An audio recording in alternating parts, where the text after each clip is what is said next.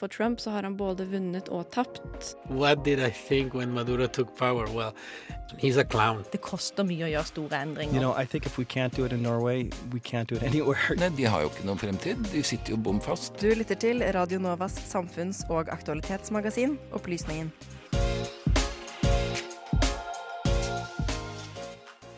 I Luxembourg satser de på en grønn økonomi, men alt er ikke rosenrødt. Og kan man redde klimaet med penger? Algoritmer skaper hodebry for britiske myndigheter og elever, for ikke å snakke om universiteter. Hva inngår i A-levels-fiaskoen? Verden blir i stor grad digitalisert foran øynene våre. Vi hører med en professor ved IMK om akkurat dette. Og så skal du selvfølgelig få fem saker fra uka som har gått, her på Radio Nova.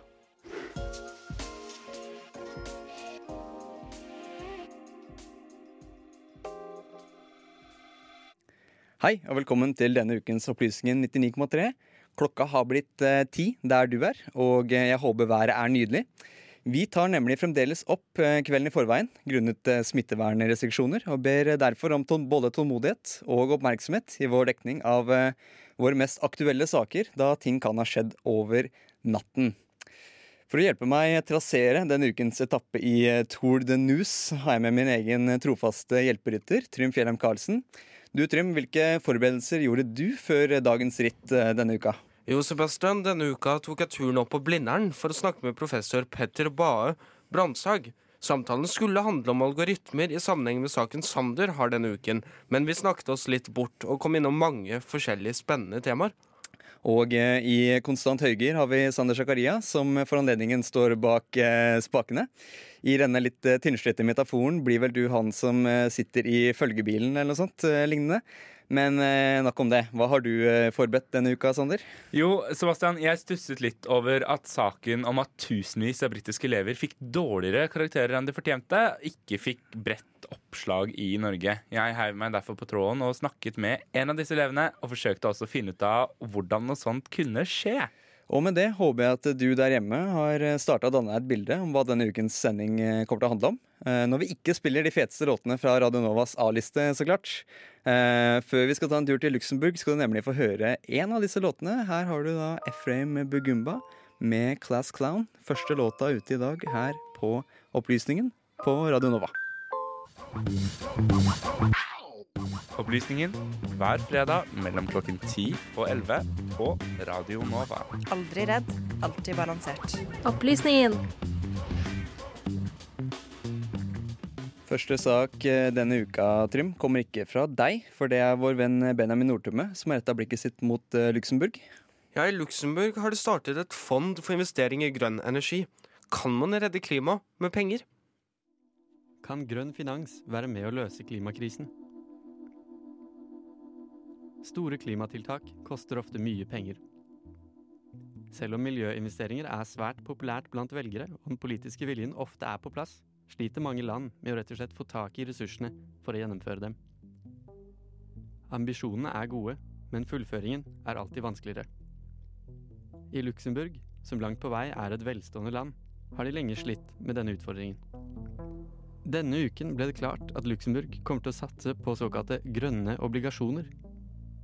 Og hva i alle dager er det, spør du sikkert. Det er egentlig ganske enkelt. Luxembourg har sagt kjære investorer, vi vil gjerne investere i miljøtiltak, men vi mangler midler. Kan dere låne oss pengene, så betaler vi tilbake om to år. Å samle inn midler, det har de klart. Privatpersoner, store selskaper og investorer har lånt 1,5 milliarder euro til dette lille landet. Men Luxembourg er ikke akkurat noe foregangsland i miljøsammenheng. En fellende rapport tidligere i år sa at Luxembourg er på bunnen blant EU-landene med å nå FN-målene for å redusere klimautslipp. Nå, som første europeiske land, har de valgt å be om hjelp fra småsparere og resten av finansverden. Kommer resten av Europa til å følge etter? Klimaprosjekter byr også på utfordringer her hjemme. Det begynner å bli en stund siden, men blant lytterne våre i Norge er det sikkert noen av dere som husker karbonrenseprosjektet på Mongstad. Mongstad er et svært oljeraffineri nord for Bergen, og frem til 2018, da Equinor het Statoil, lå det også et gasskraftverk her. Gass fra Nordsjøen kom inn til land gjennom store rør på havbunnen, så Statoil kunne produsere strøm til norske husholdninger. Dette var mildt sagt en enorm kilde til forurensning i Norge. Og 300 000 tonn CO2 ble årlig pumpet ut i atmosfæren. I 2006, før anlegget ble lagt ned, besluttet man å forske på CO2-fangst ved Mongstad. Og det ble omtalt som vår tids månelanding. Tolv år og 14 milliarder kroner senere ble prosjektet skrinlagt. I media kunne vi lese om månelandingen som hadde blitt til en krasjlanding. Hva var det egentlig som skjedde? Skal vi tro klimaorganisasjonen Zero, var det menneskelig feil som var mesteparten av skylden. Prosjektet ble organisert dårlig, og politikerne manglet pisk og gulrot. Stoltenberg-regjeringen mente at ambisjonene hadde vært for høye, mens forskerne pekte på vellykkede CO2-renseanlegg i andre land. Riksrevisjonen og alle involvert var fullstendig uenige om hvem som skulle stilles til ansvar. Men alle var enige om at dette hadde blitt fryktelig dyrt. I et annet scenario, i et parallelt univers der myndighetene hadde valgt en annen form for finansiering, kanskje prosjektet hadde blitt mer vellykket. Når private aktører investerer i bærekraftig infrastruktur, forventer de å få avkastning på pengene sine. I teorien skal dette føre til bedre ansvarsfordeling. Det er nettopp dette som er en stor fordel med grønne obligasjoner og Luxemburgs metode. Det er uten tvil en kreativ vei å gå for å svare til klimakrisens utfordringer. Et kjapt Google-søk på 'green bonds' viser at det er stor interesse blant folk for denne typen investeringer. Og det er heller kanskje ikke helt tilfeldig at Luxembourg er episenteret for denne nye bølgen. Luxembourg er et lite land som ligger i hjertet av Vest-Europa, avgrenset av nabolandene Belgia, Frankrike og Tyskland. Finanssektoren i landet er enorm og utgjør nesten 40% av landets økonomi. På børsen i Luxembourg handles det allerede tusenvis av aksjer og verdipapirer daglig i bærekraftige næringer.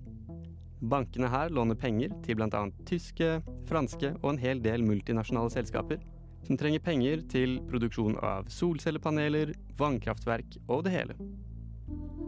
Såkalt grønn finans har blitt en enorm industri, og opptil 50% av alle verdens grønne obligasjoner kan kjøpes på børsen i nettopp Luxembourg. Grønn finans, altså. Det kan høres litt diffust ut, men sannsynligvis har du, eller noen du kjenner, vært borti dette fenomenet.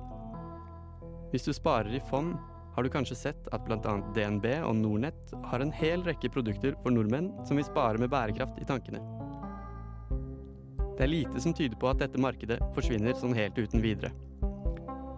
GSIA, eller Global Sustainable Investment Alliance, anslo i fjor at 30 billioner dollar, altså 30 000 milliarder dollar, er bundet i grønne eller bærekraftige investeringer på verdensbasis. Nå fører Luxembourg seg inn i rekken av aktører som utforsker nye muligheter for klimasatsing. Tyskland har gått ut og sier at de også vil utforske grønne obligasjoner. Kanskje vil vi også i nær fremtid se at den norske regjeringen spør om penger til klimatiltak. Det vi vet helt sikkert, er at grønn finans har kommet for å bli.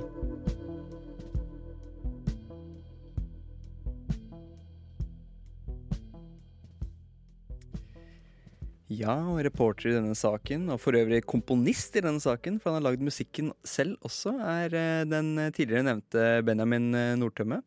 Du skal nå eh, her på Radio Nova få Hurula med låta 'Tro på er ruin', før vi går videre til Storbritannia og hører om A-levels-skandalen. Du hører på Opplysningen Opplysningen. Opplysningen. Opplysningen. Opplysningen. Opplysningen. hver fredag mellom klokken 10 og 11 På Radio Nova.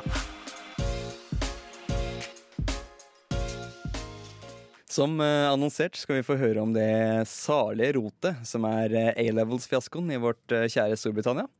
Her har elever urettferdig fått justert ned sine karakterer av en løpsk algoritme. Første bit om eh, dagens hovedtema, nettopp disse algoritmene, får du her og nå. I found out from my teachers that my predicted grades were two A stars and an A. And then on my report card, when I opened my results, it came out as two A stars and a C. So one of my grades went, bound, went down by two. I couldn't believe it. Um, in history, uh, that was the result where I got a C. I had I knew I'd been predicted an A. I, I didn't really worry about it too much, um, so I, I couldn't believe it when I opened the results and uh, and saw a C. I, I didn't know where it come from. Nathan Stubbings er 18 år og har akkurat fullført sine A-levels, tilsvarende norsk videregående, der elevene tar eksamen i tre valgfrie fag. Karakterene er de elevene søker seg inn til høyere utdanning med. Men i år gikk noe alvorlig galt. Hva var det som skjedde? I 15-16-årsalderen tar alle britiske elever GCSEs, eller General Certificate of Secondary Education. Fem eksamener som må fullføres for å kunne fortsette videre utdanning. Etter GCSEs velger elevene om de ønsker å jobbe, bli lærlinger eller gå videre i utdanningen og ta A-levels, et nytt sett med eksamener som kvalifiserer en elev til å kunne studere ved universiteter. Men i mars kom beskjeden.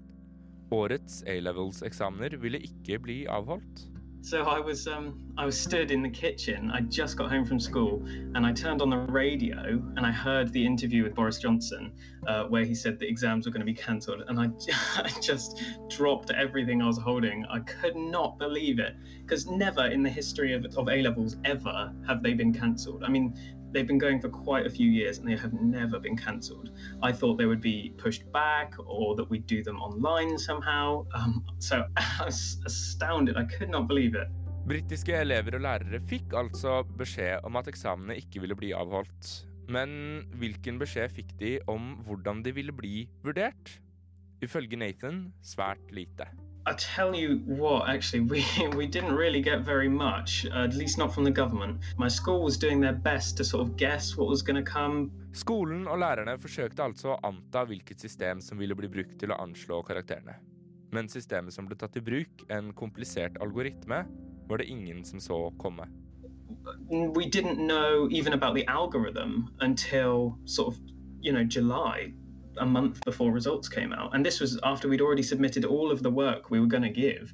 So, to be honest, we, we didn't have nearly enough information, um, though I wish I could say we did. My school, as I said, did their absolute best to, to get information to us, but it, nothing really came from the government. So, it, we never, like when I stopped school, we didn't know whether whether to keep studying or whether that was it and we were finished. Like some people were, were trying to work out whether they had time to go and get a job or whether they should still be studying. And, and we didn't have these questions answered for a long time.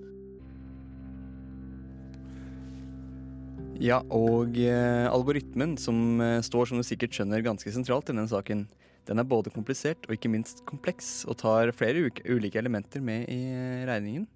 Heldigvis for meg og deg, kjære lytter, eh, så Sander på hvordan denne algoritmen konkret fungerte. Algoritmen er ganske komplisert og vanskelig å enkelt forklare, men jeg gir det et forsøk allikevel. Algoritmen baserte seg på en blanding av klassestørrelse, tidligere karakterer ved skolen og predicted grades, altså karakterer læreren forventer at du vil få i faget. Læreren oppga alle elevenes forventede karakterer, og i tillegg til disse rangerte lærerne elevene på en skala etter hvor sterk karakteren var. Disse to komponentene ble grunnlaget for systemet omtalt som Center Admissive Grades. Vi kaller dem CAGs. For å forhindre inflasjon i karakterene gikk CAGs gjennom a process of standardization, der man så på hvordan elever hadde gjort det ved A-levels-eksamene de tre foregående årene, og basert på dette fikk elevene sine karakterer.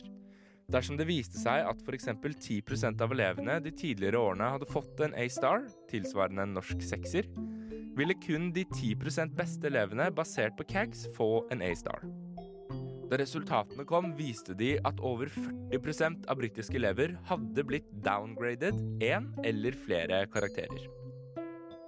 Men ikke alle ble negativt påvirket av dette systemet private skoler fikk den største økningen av A- og A-star-karakterer ved årets eksamener. Det prosentvise antallet av elever som fikk høyere karakterer enn A ved private skoler, økte i år med 4,7% sammenlignet med en nedgang på 1,9 det forrige året. Så hva var det som førte til at dårligere elever ved private skoler fikk høyere karakterer, mens gode elever ved dårligere skoler fikk dårligere karakterer? For å finne ut av dette må vi tilbake til algoritmen. Algoritmen oppførte seg forskjellig basert på klassestørrelser. I klasser med fem eller færre elever ble det ikke utført noen form for standardisering, og CAGS ble stående som elevenes karakterer. I klasser med 5-15 elever ble CAGS vektlagt kraftig, så dersom skolen f.eks. historisk hadde fått mange C-er, mens lærerne anslo at eleven ville få en A, ville de naturlig møtes på midten i en B. I klasser med flere enn 15 elever spilte caggene en mindre rolle, og standardiseringsprosessen ble mer vektlagt. For offentlige skoler i dårligere strøk er det vanlig med større klasser, mens det tradisjonelt sett bare er privatskolene som kan koste på seg så små klasser. Altså fikk elevene ved disse skolene en massiv fordel. Vi skal eh, ikke forlate A-levels-skandalen helt ennå, og etter denne låta skal vi se litt på hva som skjedde etter at algoritmen hadde gjort sin del av jobben. Men som nevnt blir det først ei låt du får her på Radio Nova, Greta med 'Again'.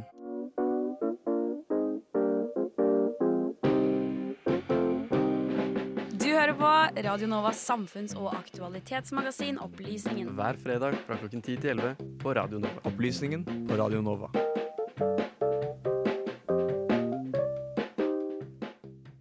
Før vi hørte Greta med Again og denne lille jingeren vår, så hørte vi fra den britiske eleven Nathan Stubbings, som var en av elevene som ble rammet av eh, A-levels-fiaskoen. Og vi hørte om algoritmen som førte til skandalen. Vi fortsetter ukens eh, tja, hovedsak med sir Keir Starmer. Sir Keir Starmer, lederen for Labour, var svært kritisk til tendensene som kom frem fra algoritmen. Something has obviously gone horribly wrong. 40% of young people have had their grades downmarked, and that's thousands of individuals whose opportunities now may be dashed. Det er forståelig nok grunnleggende urettferdig at man skal få en dårlig karakter kun fordi man kommer fra et fattigere strøk. Men det er enda en faktor som gjør dette mer kontroversielt, nemlig universitetene. Prosessen som leder til en universitetsplass i Storbritannia, er forskjellig fra det norske systemet, der karakterene danner grensene for inntak. Nathan forklarer hvordan dette fungerer i Storbritannia. Uh, your teachers give you predicted grades, they're grades that they think you would have got or will get when you sit the exams, and the universities take them into account and they think then they sort of do interviews as well and then so they make you an offer saying if you get these grades we'll let you in obviously this year that that same system was applied but then students didn't then sit the exams Som resultat av denne prosessen var det altså flere elever som risikerte å miste studieplassen sin ved universiteter, kun fordi de ikke fikk de påkrevde karakterene. De skotske resultatene kommer tradisjonelt sett ut en uke før resten av Storbritannia. Og dermed fikk de resterende delene av Storbritannia en advarsel om hva som var i vente. Ofqual, the Office of Qualifications and Examinations Regulations, det statlige organet med ansvaret for eksamener og hele A-level-systemet, utga dager før resten av Storbritannia fikk resultatene, en plan for hvordan en fiasko skulle unngås. Elevene kunne her bl.a. velge å ta eksamen ved et senere tidspunkt, noe som ville føre til at mange elever måtte vente et helt år for å kunne begynne ved universitetet. Raseriet fra elevene over dette lot seg ikke vente. I London så vi bilder av en ung jente som foran en folkemengde satte fyr på karakterkortet sitt. Mens vi andre steder i landet så unge som gikk i demonstrasjoner og ropte 'fuck Gavin Williamson', den britiske utdanningsministeren. Hele situasjonen ble ganske prekær, og mange stilte spørsmål om hva Williamson ville gjøre. Han gikk ut og forsvarte systemet. System system, system for the pupils, uh, sure a, you know. Så ut av det blå gjennomføres en drastisk endring. Etter mange protester og kraftig press fra opposisjonen med Keir Starmer i ledelsen, knakk Williamson under presset og gjennomførte en kraftig U-sving. Lærerens predicted grades ble stående som siste resultat, dersom disse var høyere enn algoritmens karakterer. Dette betydde for Nathan at C-en hans ble en A, og han fikk plassen sin ved Trinity Laban Conservatoire of Music and Dance, hvor han i dag studerer sang. Men selv om Nathan er veldig fornøyd med dette systemet, var det ikke alle som syntes dette var like bra. Well, actually, I was thrilled. Uh, a lot of people I know were quite uh, angry with the government for, for doing a U turn, but as far as I was concerned, it meant my grades were going up. And it, for me, it melt, meant I felt I was getting grades that were closer to grades I would have got when I sat the exam. So I was really happy with it. Um, although I do know that a lot of people were angry because of the nature of a U turn. Noen av de som ikke var så fornøyd med denne endringen, var nettopp universitetene. Problemene som oppsto etter algoritmen, ble på et sett lesset over på universitetene, som enten må velge mellom studenter som fikk de nødvendige resultatene, eller ta inn flere studenter. Mange universiteter har ikke plass til alle søkerne. Og for flere blir altså resultatet å vente til 2021 før de får begynne på universitetet. I etterspill av dette stiller mange seg nå spørsmålet hvorfor har ikke Gavin Williamson gått av? Da Sky News stilte han spørsmålet, forsvarte Williamson seg med at det hele var systemets feil. De hadde tro på det, og det sviktet, og de tok de nødvendige endringene. Boris Johnson sier i en uttalelse til The Guardian forrige uke at Williamsons plass i den britiske regjeringen er sikker. Så får vi se om også dette er en uventet U-sving. Og eh, reporter i denne saken, det var eh, Sander Zakaria. Vi sier tusen takk til Nathan Stubbings der ute i England. Eh, lyden av Keir Starmer og Gavin Williamson i innslaget er hentet fra House of Commons sine arkiver. Vi går eh, rett på Kitschkrig og Jamul, og låta heter Unterweg. Teknologi og digitalisering gjør at det vi ikke fikk til for noen år siden, det er mulig nå. At det å stadig vekk skulle balansere mellom frihet og ufrihet Det er ikke noe særlig lurt å stole på viljestyrken, f.eks. Kirkas demokratisystem. Opplysningen hver fredag fra klokken 10 til 11. Du, eh, Trym. Algoritmenes verden, som vi har snakka om her litt i dag, er eh, både tilslørt og forvirrende, samtidig som den er mektig og former den eh, digitale verden vi lever i. Ja, vi har allerede i dagens send sending hørt at algoritmer kan påvirke den virkelige verden på merkbart vis. Men for å forstå omfanget hørte vi med Petter Bae Brandtzæg fra Institutt for mediekommunikasjon. Algoritmer er egentlig bare oppskrifter på hvordan ting fungerer. Så en algoritme på nettet i forhold til hvordan en maskin fungerer, er på en måte en oppskrift hvordan den tjenesten på nettet eller den plattformen på nettet fungerer i ditt møte med den. Sånn at den algoritmen bestemmer jo da i stor grad hvem du kanskje snakke med. Eh, hvilke nyhetsoppdateringer du ser, hvilke reklamer du får eh, opp på skjermen.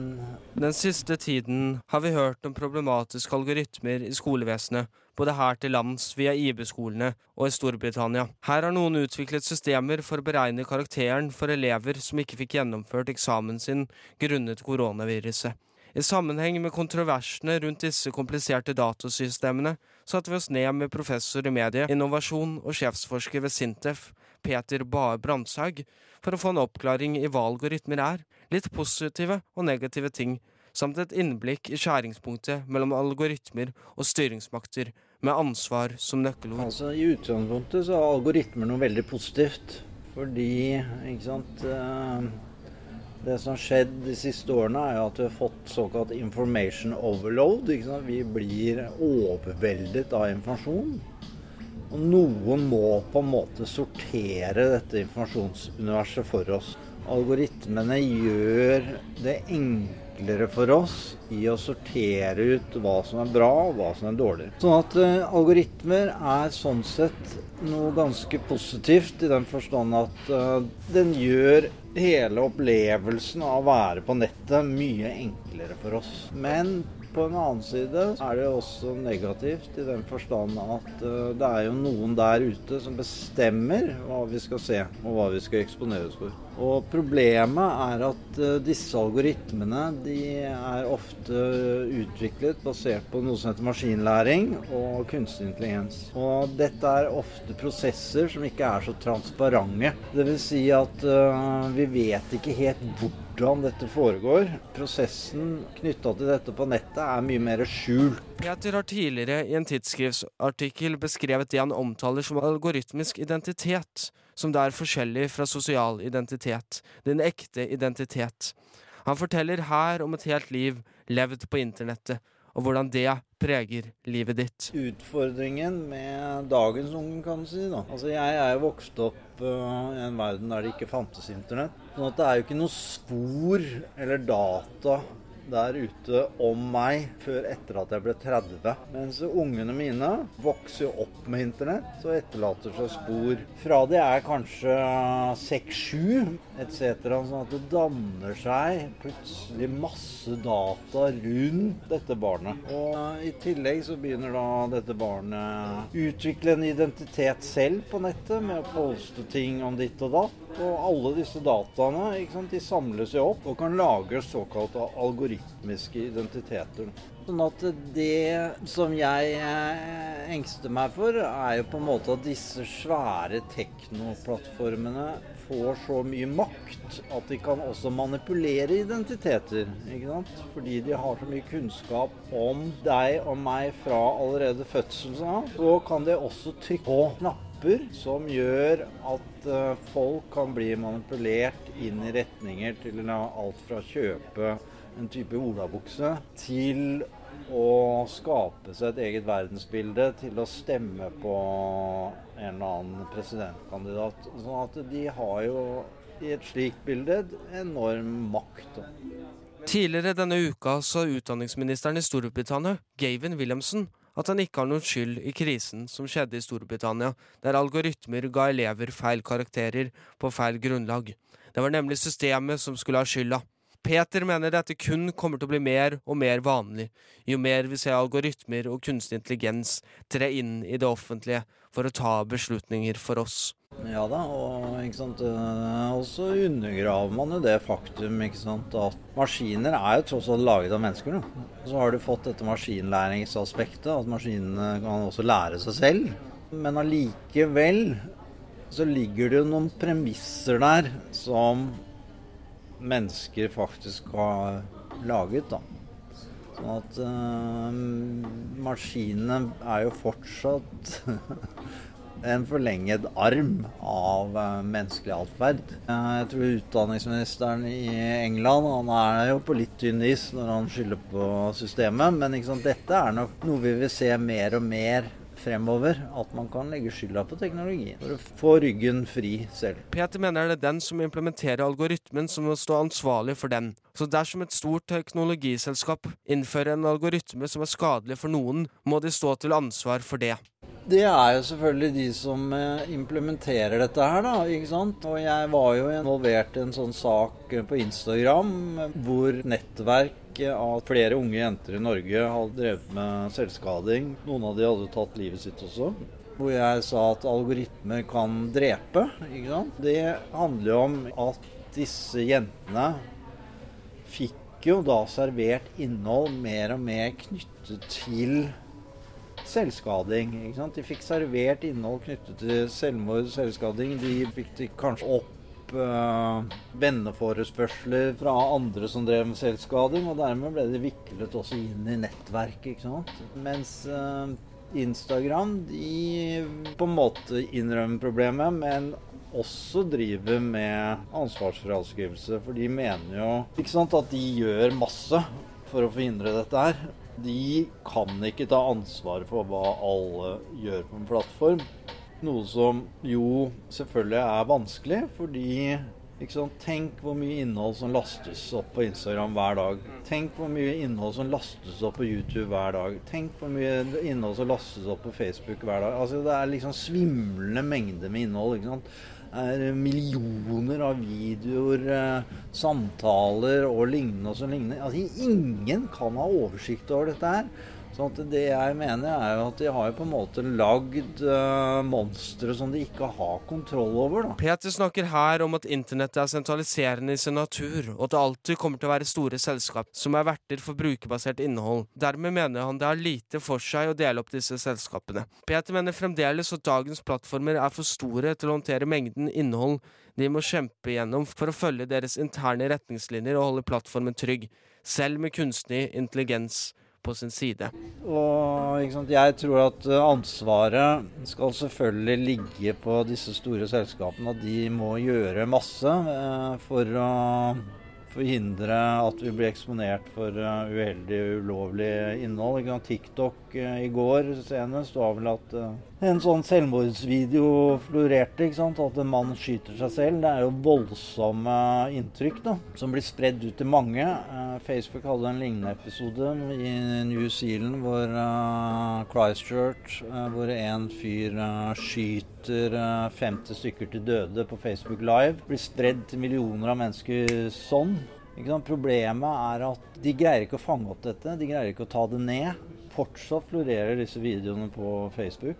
Selv med kunstig intelligens så greier man ikke å gjøre en ordentlig adekvat modereringsprosess, fordi kunstig intelligens har mange fantastiske evner, men de greier ikke å skjønne kontekst. De har ikke common sense, sånn som du og jeg. Jeg når vi sitter her, så vet vi at vi sitter her. Kunstig intelligens eh, har ikke eh, på en måte kontekstbasert kunnskap. Da. Ikke sant? Dette innholdet det, okay, det er post, postet til Norge. Der er debatten sånn og sånn nå. Eh, det er et demokratisk land. Det er likestilling. Det er greit å vise en pupp. Altså en, en algoritme greier ikke å kontekstualisere ting. Og som du sikkert uh, hørte, ble det litt uh, kluss i T-ene hos vår reporter uh, Trym Fjellheim Karlsen. Men Petter Ba Brandtzæg var altså intervjuobjektet i denne saken. Reporter i denne saken, det var Trym Fjellheim Karlsen, assistert av meg, Sebastian Hagel. Nå får du Love Truls her. As much as it's been 20 years since apartheid, like blacks have been freed, not much is, like, has changed. Så her er det jo helt klart at regjeringen ikke leverer faktisk på at Norge skal bli det beste landet i verden for skeive. Chavez is the guy who finally could destroy Venezuela. Opplysningen hver fredag mellom klokken 10 og 11 på Radio Nova. Nok ei uke har gått, stappfull av store og mindre nyhetshendelser i hele verden. Og nok en gang sitter vi i Opplysningen 99,3 med dilemmaet 'mange saker, for lite tid'. Derfor følger vi i dag opp den stolte tradisjonen til Fem på fem-spalten, og gir deg fem saker fra uka som har gått, på fem minutter. Vi begynner sør i Europa, i Portugal. Landet har nemlig lidd kraftig under konsekvensene av klimakrisen, med store skogbranner og ekstreme hetebølger blant utfordringene det lille landet har lidd under. Nå går seks unge portugisere gjennom retten for å endre problemet.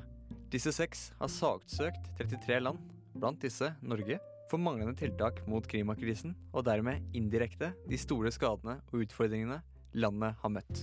Saksøkerne mener at disse 33 landene unnlater å vedta utslippskutt som kan trengs for å sikre fremtiden til barn og unge.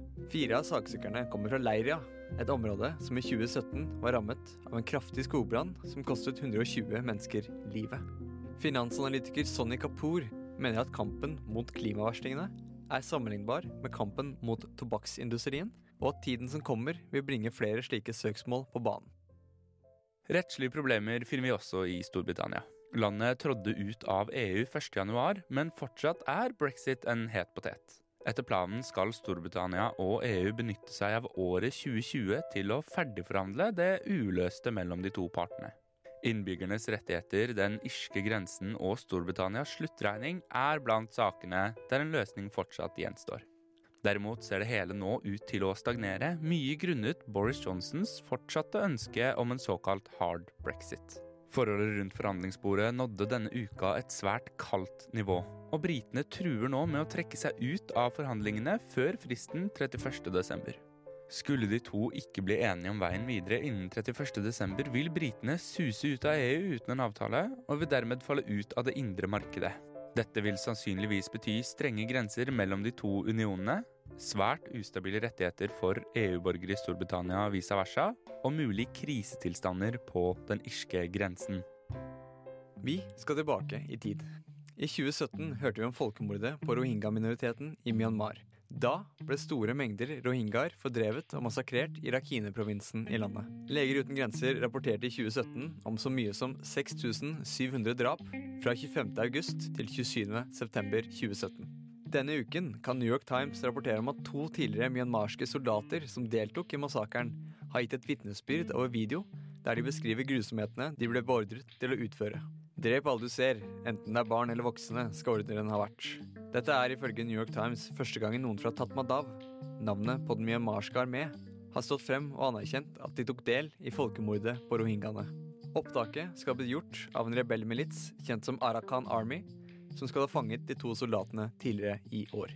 Humanitære katastrofer preger også vårt neste reisemål. Natt til onsdag startet en brann i flyktningleiren Moria på øya Lesvos i Hellas. Flyktningleiren er Europas største flyktningleir, med over 13 000 flyktninger, blant dem rundt 5000 barn og unge. Da koronasmitte forrige uke ble oppdaget i leiren, ble hele leiren satt i karantene frem til 15.9, og kun helsepersonell slipper inn. Greske myndigheter mener at brannstifterne er blant dem som ble satt i karantene. Det har vært mye snakk om Moria-leiren tidligere i år, men dette kommer også som en respons av koronaviruset. Den norske regjeringen har blitt presset av både politikere og andre innbyggere til å ta på seg ansvaret for å evakuere flyktninger av humanitære årsaker. Til nå har 649 mennesker blitt evakuert ut av leiren av bl.a. Frankrike, Irland og Finland. Tyskland alene har til nå evakuert 450 mennesker ut av Moria. Etter brannen onsdag kveld har norske myndigheter uttalt at de vil evakuere 50 flyktninger fra leiren, og emneknaggen 50 er ikke nok har de siste dagene florert på internett. Flere norske kommuner har sagt seg villige til å ta imot flere flyktninger fra leiren, men skjebnen til leiren etter brannen er enda uvisst. Det eneste vi vet, er at EU og Hellas nå sitter med en humanitær katastrofe i hendene, og at løsningene er få. Vi skal til Sør-Vestlandet, hvor et problem knyttet til måten den norske offentligheten har betalt for riksveier, begynner å få konsekvenser. Det har seg nemlig slik at norske fylkeskommuner står som garantister på lån til 154 milliarder kroner, som det er tenkt at de skal tjene igjen via bompenger på disse riksveiene. På Sør-Vestlandet har fylkesordfører i Rogaland, Marianne Chesak, nå slått alarm. De står nå som garantister på lån til en verdi på 31,8 milliarder kroner, som for øvrig er høyest i landet. Alarmen slås på bakgrunn av planen for utbygging av nye E39 mellom Ålgård i Rogaland og Lyngdal i Agder, hvorpå Rogaland i utgangspunktet skulle stå som garantist for ytterligere 11 milliarder kroner. Ordfører Marianne Chesak siteres på nrk.no, hvor hun sier vi kan få en dårligere rating, og med det dårligere rentevilkår ved fremtidige lån. F.eks. når vi skal bygge skoler. En halv prosent dårligere rente kan bety 150 millioner kroner mer i rentekostnader i året. Det er altså dyrt å bygge vei, og dersom regjeringen ønsker denne og andre fremtidige veier bygd, må de trolig endre strategi, da fylkesordførerne i både Agder og Rogaland mener fylkeskommunenes økonomier er tydelig belastet av denne måten å finansiere veier på. Reportere i saken var Sander Zakaria og Sebastian Hagel.